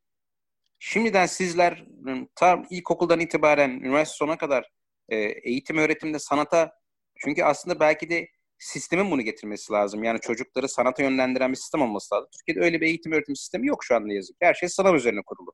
Sınav, sınav, sınav. Sistem bu yapacak bir şey yok. Ama en azından hani belli bir bilin, bilince ulaşıp hani sizlerin üniversiteyi bitirmezden evvel bu şeye başlatarak, süreci başlatarak etrafınızı, arkadaşlarınızı, belki etrafınızda gördüğünüz küçük çocukları, ortaokulları, bunları bunlar hep böyle birbirimizi beraberce sanata doğru ittirebilecek bir aksiyon içinde olmamız lazım. Kesinlikle E şimdi- abi. Covid meselesi oldu. Covid'de en çok hangi platformlarda bir araya geldik? Neydi konu başlığı? Müzik. Aynen. Devlet bile şey yaptı yani işte bir şey konserleri yaptı, sahneler kuruldu, sanatçılar çıktı vesaire. Çünkü insanları, e, bütün insanların en büyük ortak paydası e, müziktir, sanattır yani. Bu hani benim söylediğim bir şey değil. Tarih boyunca pek çok düşünür, bilim adamından düşünürüne, ilim adamına aklına kim geliyor? Devlet adamına kadar. Bununla ilgili söylenmiş binlerce söz yazılmış, binlerce kitap var sanatın insanın ruhun bir parçası olduğu ile ilgili. Öyle mi? Kesinlikle abi. E, bu işi bu kadar görmezden gelmek ve yokmuş gibi davranmak da şaşırtıcı. Bir şey bir problem oluyor hemen etrafına toplanıyoruz. Ama o mevzunun bittiği gibi düşündüğümüz anda iki saat sonra herkes dağılıyor. E, sanatla ilgili hiçbir şey yok. Kesinlikle. O yüzden sizler bunu misyon edinin. Yani bir taraftan anlıyorum maddi kaygılar var, işe girmek var. İkisi eş zamanlı gitmeyecek diye bir şey yok. Yani bir, bir, bir, bir koltukta üç tane beş tane karpuz taşıyan insanlar var. İşte ben de yıllarca çalıştım ya ikisini beraber yapmaya gayret ettim. Siz de bunun fazlasını yaparsınız yani. Hı. İşte abi sizin gibi insanların sözleri, deneyimleri bizim için çok değerli. O yüzden hani böyle bir yola baş koyduk biz de. Ve dediğin gibi hani bu sözler, bu laflar asla askıda kalmayacak laflar. Hepimizin hayatına böyle e, kiremit taşı gibi oturacak çok güzel sözler söyledin. İyi ki geldin abi. Yani Estağfurullah. Ben estağfurullah. Ben de çok mutluyum burada olduğuma. Yani. Siz yapıyorsunuz. Keşke herkes e, pek çok arkadaşım benzer şekilde e, bunların peşinde koşsa. Bunun oranı artsın. Dediğim gibi Keşke. herkes aynı herkes aynı misyonu üstlenemeyebilir. Olabilir. Hı hı. Herkesin bir ilgisi olmayabilir. Farklı zevkleri olabilir. Ama onların hepsi ittirilebilir ya. Siz şimdi müzikle ilgilisiniz. Bunu daha çok ittirmeniz, daha yüksek bir yere taşımanız lazım. Daha fazla etkileşim e, yaratmanız lazım. Size özenen gençlerin alt sınıflardan işte şu abimiz bu ablamız bunu yapıyor. Dur bunu biz de yapalım. Mesela bizde en çok o vardı. Demin verdiğin cevapta eksik kalan şey o. Hep özenirdik yani üst sınıflara ya da etrafımızdaki müzikle ilgilen abi ablalara çok özenirdik yani. Özen özenilebilecek durumlar yaratmak lazım yani. Kesinlikle Sadece abi. hayatıyla değil, sanat hayatıyla ilgili özelinecek şeyler yaratmak lazım yani. Kesinlikle. Abi şunu Abi söylemek de- istiyorum. Ben Hande çok özür dilerim. Estağfurullah buyur kardeşim. Erken Ee, ismini söylemen gerekiyordu önce ama. Ee, abi, abi Erkin ben bu arada onu söylemiş olayım. şey, Sen göremezim. test sorundan tanıyorsun tabii hemen ismini söylüyorsun. Ben bilemiyorum. Abi yani aslında genel bir şey söyleyeceğim. Hani daha önceki aldığımız sene işte Hakan Çağlar ve Emran Avantolu abilerimiz için de geçerli bu. Biz her yayından önce böyle heyecanlanıyoruz hani sizlerle konuşacağımız için. Kendi aramızda böyle çok strese giriyoruz. Hani tartışıyoruz ne yapabilir ne yapabilir ama siz her geldiğinizde böyle şey oluyor yani. Gel ben hani derse girmiş çıkmış gibi hissettim kendimi şu an. Çok teşekkür ederim. Kesinlikle. Yoruldun mu yok? Hayat dersi gibi. Ya, çok keyif aldım. Çok teşekkür ederim. anlamda. Ya yok dostum ya bu şey gibi düşünme bunu abicim. Hani bu ders falan değil. Hani bu em, e, tabii şimdi biz birbirimizi işte görmeden bir e, dokunmadan etmeden e, bir bir e, vücut mim, ağız yüz mimiği olmadan e, tam olarak hani uzaktan şeyin sıkıntısı bu aslında. Hani insan insanı dokunarak görerek tam olarak duygularını ifade edebilir. Hani başka fırsatta gelsek tabii bu çok bunlar çok uzun konular. Konuştukça, tartıştıkça, paylaştıkça e, yavaş yavaş gelişmeye e, başlayacaktır yani. Hani kök saldırmışsınız siz kendiniz özellikle bir yaptığınız işte ama inşallah bir fırsatta geliriz bir araya. Elimizi gitar alıp şarkıları söyleyerek, şarkıların sözlerini, duygusunu tartışarak falan vesaire içimizde yeni yeni şeyler birlikte uyandırmaya çalışırız yani. Sen o gün gelsin. Evet çok güzel İnşallah olur. Vallahi bu Covid bizi yordu be. Vallahi yordu Çok abi. yordu abi. Ama tabii şey Abi- yapalım. Gene şü- şükredelim halimize. Hani baktığın zaman şükürler olsun. Sağlıklıyız ailemizde. Tabii İnşallah ki. sizin de bütün çevreniz sağlığı, saat yerindedir çocuklar. Öyle temenni ederim. Ondan Teşekkür sonra abi. İnşallah. iyidir. Yani insanlar canlarını kaybetti. Onların aileleri var. Bunlar kolay mevzular değil. Basit gözüküyor ama e, ben de çoğu zaman Kesinlikle. kurallara uyuyorum ama bazen ben bile hani, dalıyorum mesela. Geçen markete gittim. Maskemi unutmuşum. Tekrar geri çıktım. Bazen markete girip çıkıyorsun. Bazen işte yolda yalnız maskeyi yarım yapıyorsun. Yanından biri geçiyor falan gibi. Yani e, aksamalar çok oluyor işin gerçeği. Hani e, hani bunu ben de yapıyorum zaman zaman. Hani hata diyelim buna. E, dikkat etmek lazım yani. Çünkü bu bu artık e, bu Covid meselesi hani Covid gider başka bir şey olur ama artık bu dünyanın bu değişiminde çünkü dünyayı katlettik yani dünyadan geriye fazla bir şey bırakmadık şimdi. E, karbon salınım biliyorsunuz dünyada %17 azalmıştı toplamda. %17. Aynen. Şu son bir ayda aynı seviyeye geri getirmişiz. Çok yazık abi. Korkunç ya. Gerçekten. Zaten orman kalmadı. İşte akarsuların hepsinin üzerine bir takım şeyler setler çekiliyor. Ormanlar yanıyor. Her bütün dağlar kazılıyor. Dünyanın her tarafında bu böyle. E bir yerden bir şey çıktı ama bu e, yani dünyanın tokadı biraz daha sert gelecek eğer bu kadar insafsız davranmaya devam edersek. O yüzden e, insanın böyle bir silkinip kendine gelmesi lazım. Yani bet, bu işte mal mülk bilmem ne meseleleri şüphesiz hani kimseye muhtaç olmamak önemli ama e, yaşadığımız hayatı, şey, dünyanın sahibi olmadığımızı anlamamız lazım. Biz dünyanın sahibi değiliz yani. Bu dünyanın ortağıyız yani. Diğer canlılarla beraber, bitkilerle, ormanlarla, hayvanlarla beraber. Bunu idrak edemezsek hiçbir şey işe yaramayacak yani. Ondan sonra bir, bir kova suyun peşinde birbirimizi yiyeceğiz yani. Aynen öyle abi. Abi yani çok e, kötü bir dönemden geçiyoruz. Yani ben bugün dışarıda gezerken bile normal bir zamanda tüm insanların maske e, takıp dışarıya çıktığını düşündüm böyle hani hiçbir şey yokken falan. Acayip garipserdik ama şu an bu İnan- durumu inan- kabullenebilmişiz. İnanamıyorsun değil mi ya? Hakikaten Evet kesinlikle aynen yani e, şimdi dünyada e, hava temizliği bakımından falan bir 30-40 yıl daha geriye gitti yani daha, daha iyi oldu durum. Böyle bir şey okumuştum. Bu iyi bir şey aslında insanlar dışarıya çıkmadı falan. Bu güzel bir şey ama tabii kötü yanları da var. E, Umarım en kısa sürede bunu atlatırız. En kısa sürede herkes normal hayatına geri döner. Tabii çok biraz zor görünse de yine de umutlu olmak istiyorum aslında. Çünkü bir Hayatım, olarak bu- umutlu olmak istiyorum. Yani zaten sizsiniz hayatım. Yani siz ben ben diyorum sana hani çok net gözüküyor. Yani siz- bir insan yani yetişkin insanlar e, siz, size bakıp çocuklara bu, bu ülkenin çocuklarına gençlerine bakıp ama nasıl mutsuz olabilir ki? Yani o kadar ya ben bu kadar zekası e, kıvrak, bu kadar aslında yüreği iyi bak bunu bütün samimiyetimle söylüyorum tamam mı? Yani e, demek ki yetiştirme tarzımız işte top, bu toprağın çok bu yani bu memleketin çocuğu olmak bambaşka bir şey yani. İnsan olarak da çok iyi, iyi kalpleriniz çok iyi bir kere. Ama onu onun artı çok pratik bir zeka var, bakış açısı var. Olup bitenin ne olduğunu, nereye nereden gelip nereye gittiğimizi görmek var. Yani bu konuda mesela bizim jenerasyonumuz da belki şeydi ama hani sizin aslına bakarsanız bizim jenerasyondan bu konuda kat be kat ileri olduğunuzu görüyor. Şimdi bu kadar... Abi şu an herkes yumuşacık oldu. yani bu kadar, yok şey değil, bu bir kompliman değil hayatım, bu bir gerçek. Bu kadar güçlü bir nesil var burada yani. Anlatabiliyor muyum? Yani yani her şey görmüyor bizi işte. Yani sen böyle bir bir kişi böyle o ışığı yakıp bizi görünce bizim gibi insanları en azından ülkenin geleceğini düşünen yani ya hepimiz buradaki herkes ya yarın ne olacağız diye çok düşünüyor. Biliyorum hepimiz abi. düşünüyoruz yani. Hepimiz. Yani şunu yapacağız işte yapıp yani şöyle şarttan ne olursa olsun yapabildiğimizin en iyisini yapacağız. Bak bugün buradayız. Konu, bir saat konuştuk. İşte burada bir abiniz var. Konuşuyoruz. Dertleşiriz. Yarın bir gün bir şey ihtiyacı olursa ararsınız abi şöyle mi böyle mi bir ya, şey atıştık. Bir tanesin abi. Bir tanesi. Şu şirkete başvurduk. Bu kadar maaş teklif ettiler. Doğru mu? Haklı mı? Haksız mı? Atıyorum işte. Ne istiyorsan sorarsın.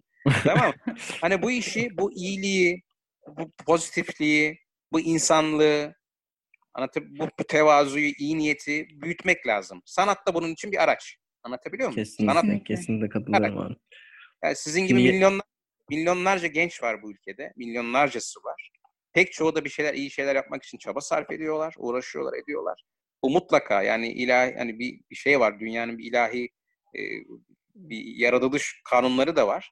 Dolayısıyla bu çabalar, bu iyi niyet, bu ahlak mutlaka e, bunun sonucu mutlaka olacak. Olayı sadece 8-6 işe girip falan gibi bir şey ya işe girmek için çabalayın. Tabii ki girin. Para kazanın. O sırada müzik yapın. O başka bir şey. Bu dünyanın, bu ülkenin gerçeğinden maddi sıkıntı gerçek varsa ticari olarak bunu aşmak için gereken çabayı göstereceğiz. Eve gidip bütün gün gitar çalıp da şey yapamayız yani. iPhone'da işte sosyal medyada gezinemeyiz öyle mi? o çabayı göstereceğiz. Ama bunun karşılığı mutlaka olur iyi yönde. Önemli olan, şey, önemli olan şey yani iyiliğin, iyi niyetin, e, çalışkanlığın, çabanın e, mutlaka eninde sonunda kazandıracağını bilin yani. Size de bu var. Mutlaka olacak güzel şeyler yani. Hepimiz ya için. tabii ki de ya bu yol gösteren insanlarla falan böyle görüşebilmek e, herkese böyle nasıl söyleyeyim abi bu bir şans bizim için. Mesela yarın öbür gün abi şu konserden 100 bin dolar teklif geldi ne yapayım diye sormak isterim aslında abi yani. ne Tabii dersin ki. acaba abi? Şimdi şöyle o 100 bin dolara aldığın zaman Ondan sonra o paranın devamının geleceğini düşünüyorsan yine hayatla ilgili acaba ne yapabilirim gibi bir şey yapman Aynen. lazım. Bir Aynen öyle lazım. abi. Kesinlikle. O eğer Şimdi abi şöyle heh, yerin o zaman tamam. Abi. Harika. Böyle düşünürsen harika diyorum yani. Süper abi. Abi onunla konuşuyor olacağız aldım, muhtemelen. bir ev daha aldım. O şimdi 30. evi aldım. Dur 50 ev olsun, 60 ev olsun. Bir de şu şeyden bilmem ne alayım falan gibi bir şeydi. Onun bir kısmını hayatla ilgili, insanlıkla ilgili ne yapabileceğini düşünmeye başladığın zaman tadından yenmez yani. Kesinlikle Süper abi. abi. Ya bu vesileyle abi tabii ki de soracağım. Çünkü bu program sayesinde ilk defa moderatörlük yaptım bu programda. Numaranı da aldım abi. Artık kurtuluş yok muhtemelen. Şimdi abi şöyle bir durum zaten, var. Numaram zaten açık ya. Şey olsa Instagram'a yazacağım aramak isteyen arasında. O zaman çok cevap veremezsin. Süper abi. Abi şimdi bizim bu programda çok güzel bir olay var. En son soru var. Onu e, bugün Hande soracak sana. E, bu soruya hazırsan Hande başlasın ve çünkü cevabı uzun da olabilir, kısa da olabilir ama tamam. e, yani birçok konunun böyle tıkandığı konu aslında bu. E, bu soruyu tamam. sana şimdi Hande sormak üzere başlayacak. Hazırsak Hande söz sende. Teşekkür tamam. ederim. Tamam anneciğim. Abi öncelikle e, Erkin'in dediği ders üzerine ben bir şey söylemek istiyorum. Hakikaten buraya Tabii. aldığımız konuklarla alakalı bize ders niteliğinde çok çok güzel, çok kıymetli şeyler söylediniz. Ee, dediğim gibi bunlar bizim için çok değerli. Sizin gibi büyüklerimiz olduğu sürece hani gittiğimiz yolun doğru olduğunu bu şekilde öğrenebiliyoruz biz. Ee, hazır tamam. yeri gelmişken de şöyle bir soru sormak istiyorum. Çünkü hepimizin de ihtiyacı olduğu, hepimizin kendine sorduğu bir soru aslında bu. Bize gaz veren aslında. Kesinlikle. Abi düşün ki e, elinde bir mikrofon var. Bütün dünya seni izliyor ve seni dinliyor. Ve e, evet. onlara bir şey söyleyeceksin. Belki dünyadaki bir düzen senin birkaç sözüne değişebilecek. E, böyle bir şansın var. O topluluğa ne söylemek isterdin? Ya to- o topluluğa o cümleyi kurduğumda o konuyla ilgili değişim yaratabilecek miyim? Öyle mi? Evet, sözlerin belki de o dünyada bir şeylerin değişmesine sebep olacak sözler. Ya te- Menli anlamında mı? Ben şimdi ben de sonuca direkt şey irdeliyorum. abi şöyle, sen söylüyorsun çok, şimdi, ve söylediğin çok, şeyler yani oluyor şey yani oldu, abi. Verdiğim cevap şey olmasın diye yani şey olsun diye yani sorun tam karşılığı olsun diye cevap şey yapıyorum. O yüzden detay soruyorum. Ee, Abi söylediğin, söylediğin cümleler, söylediğin sözler dünyadaki bir şeyleri değiştirecek. O insanları etkileyecek. Ve hakikaten hani kalbe dokunur şeyler olacak belki de. Senin sözlerinle o dünya düzeni belki de bir şekilde yola girecek. Girecek yani. Ne söylemek isterdin o topluluğa? Bütün bir dünya seni dinliyor. Ee, yani söyle daha çok e, şimdi tabii şimdi şöyle yani insan kitap kitap okuyunca şimdi şey şimdi de insanın aklında kalan bir takım özlü sözler oluyor ya alıntı olmasın Aynen. diye de uğraşıyorum. Yani alıntı yapmamaya çalışıyorum. Tamam öyle bir şey var yani çünkü her şeyden aklında bir şeyler kalıyor okuduğun şeylerden falan. Ama yani şöyle söyleyeyim aslında işin özünde hani e, çok uzun bir cevap verilebilir ama kesinlikle. Daha e, e, bunu bir yerde daha şey yapmıştım ama e, daha çok gülen çocuk e, görmek isterdim. Tamam hı hı. Daha çok gülen çocuk görmek isterdim. Çünkü e, çocuk toplumun en küçük bireyidir. Anlatabiliyor muyum? E, çocukların gülmesi aslında toplumlarla ilgili pek çok şey işaret eder. O çocuğun karnının doyduğu, mutlu olduğu. Çünkü çocuk nesilden hani herkes çocuk olur. Biz de çocuk olduk. Yani şöyle mesela memleketle ilgili bir istatistik analiz yapısı acaba Türkiye'de e, insanlar çocukluklarını nasıl geçiriyorlar? Ya da tabii bu benim bütün dünya yapacağım bir konuşma olduğu için dünyanın geneline baktığımızda acaba bir istatistik oran yapılsa mesela bakılsa işte dünyanın işte Afrikası kıtalara göre bakılsa mesela dense ki işte şu Afrika kıtasında e, çocukların yüzde yetmişi çocukluğunu mutlu geçirmiş. Şurada şu kadar geçirmiş. Burada ben bu oranın yüzde yüz yakın olmasını isterdim. Muhteşemsin abi. Anlatabiliyor muyum? Çünkü gülen çocuk pek çok şeyin belirtecidir. Etrafında ne kadar fazla gülen çocuk varsa bir şeyden iyi gittiğini anlarsın. Her anlamda yani. Hani toplumun ahlakı, sosyal yapısı, işte ekonomisi, adaleti bu. Yani şimdi hani hani klasik bir e, sorunun cevabında olacak. İşte Afrika'da biliyorsun ki her gün binlerce çocuk susuzluktan ve açlıktan ölüyor. Aynen. E, biz burada bir diş fırçalıyoruz. Çocuğun bir haftada içtiği suyu bir diş fırçalamada su şeyin dibine akıtıyoruz. Öyle mi? Kesinlikle. Kesinlikle. Ya da o zamanki o şeyler, sifonlar falan var. Yani o bazen hani giriyorsun şeye çok da böyle bir suya ihtiyacı olmayan uf, ufak bir işini gideriyorsun orada. İşte anladınız mı tamam mı? Aynen. Aynen. Tuvaletini yapıyorsun. Onu sifona bir basıyorsun. 20 litre su var şeyde. Şeyde 20 litre. Yani 20 litre su falan göremeyen yani bırak 20 litre yani 1 litre su bile göremeyen milyonlarca insan var bu dünyada. En basitini söylüyorum. O çocukların karnı doyup yüzü güldüğünde zaten o bir şey işaret oluyor. Burada çocuklar eğitim öğretim sistemiyle ben bu sınav sisteminde yaşadıkları stresten dolayı büyük anne babaların baskısıyla, eğitim öğretimin bir takım eksiklikleriyle çocukların eskisi kadar mesela bizim çocukluğumuzda bütün çocuklar hatta hala öyledir. Çocuk bütün şartlarda çocuk yüzünü güldürür. Yani yüzü, yüzü, yüzü güler çocuğun. Açken de güler, öyleyken de bir şekilde o çocuğun yüzü güler. Her şeyden mutlu olur çocuk. Ama kişilik gelişimine baktığı zaman hep işte şeylerle söylerler ya bilim adamları, pedagoglar hani belli bir yaş yaş dilimine kadar, 7 yaşına kadar galiba yalan olmasın yanlış hatırlamıyorsam çocuğun bütün kişilik gelişimi e, şekilleniyor. Travmaları, geleceklik karakteri, her şeyi. Öyle mi? Doğrudur abi. Dolayısıyla eğer gülen çocukların sayısı artarsa dünyada bir şeylerin daha iyi gittiğini anlayabiliriz. Böyle bir şey söylerim herhalde. Muhteşemsin abi. Süper abi. Büyüklere bir şey söylemek isterim abi. Daha büyük böyle ne bileyim ülke yöneten insanlara, daha böyle mevki sahibi yani şeye sahip olanlara. Yani hani e, hani hiçbirimiz sonuçta hani şey değiliz. E, hani sütten çıkma akış değiliz. Şu anlamda söylüyorum. Hani bir insan olarak hepimizin yalanları oluyor. Kalp kırıyoruz. Yanlış işler yapıyoruz. E, bir şey söyleyip onun tersini yapıyoruz ama bunların hepsinin e, insan, insanı ahlaki deformasyona uğratacak dozlarda ve oranlarda olmaması lazım. Anlatabiliyor muyum? Yani, Kesinlikle yani anlıyorum. Çok, çok kıymetli. Yani bunu ben bu yaşa geldim de şimdi aklıma geliyor falan gibi şeydi. Gençliğimde de bu konuları düşünüyordum. Yani ahlak çok kıymetli bir şey ahlak. Kesinlikle abi. Ah, ah, ahlakta olmak çok e, ahlak tabii çok geniş kavram bir şey ama e, kendin işte en basit anlamıyla kendin için istediğin şey başkası için e, istemediğin bir şey başkası için e, istemeyeceksin.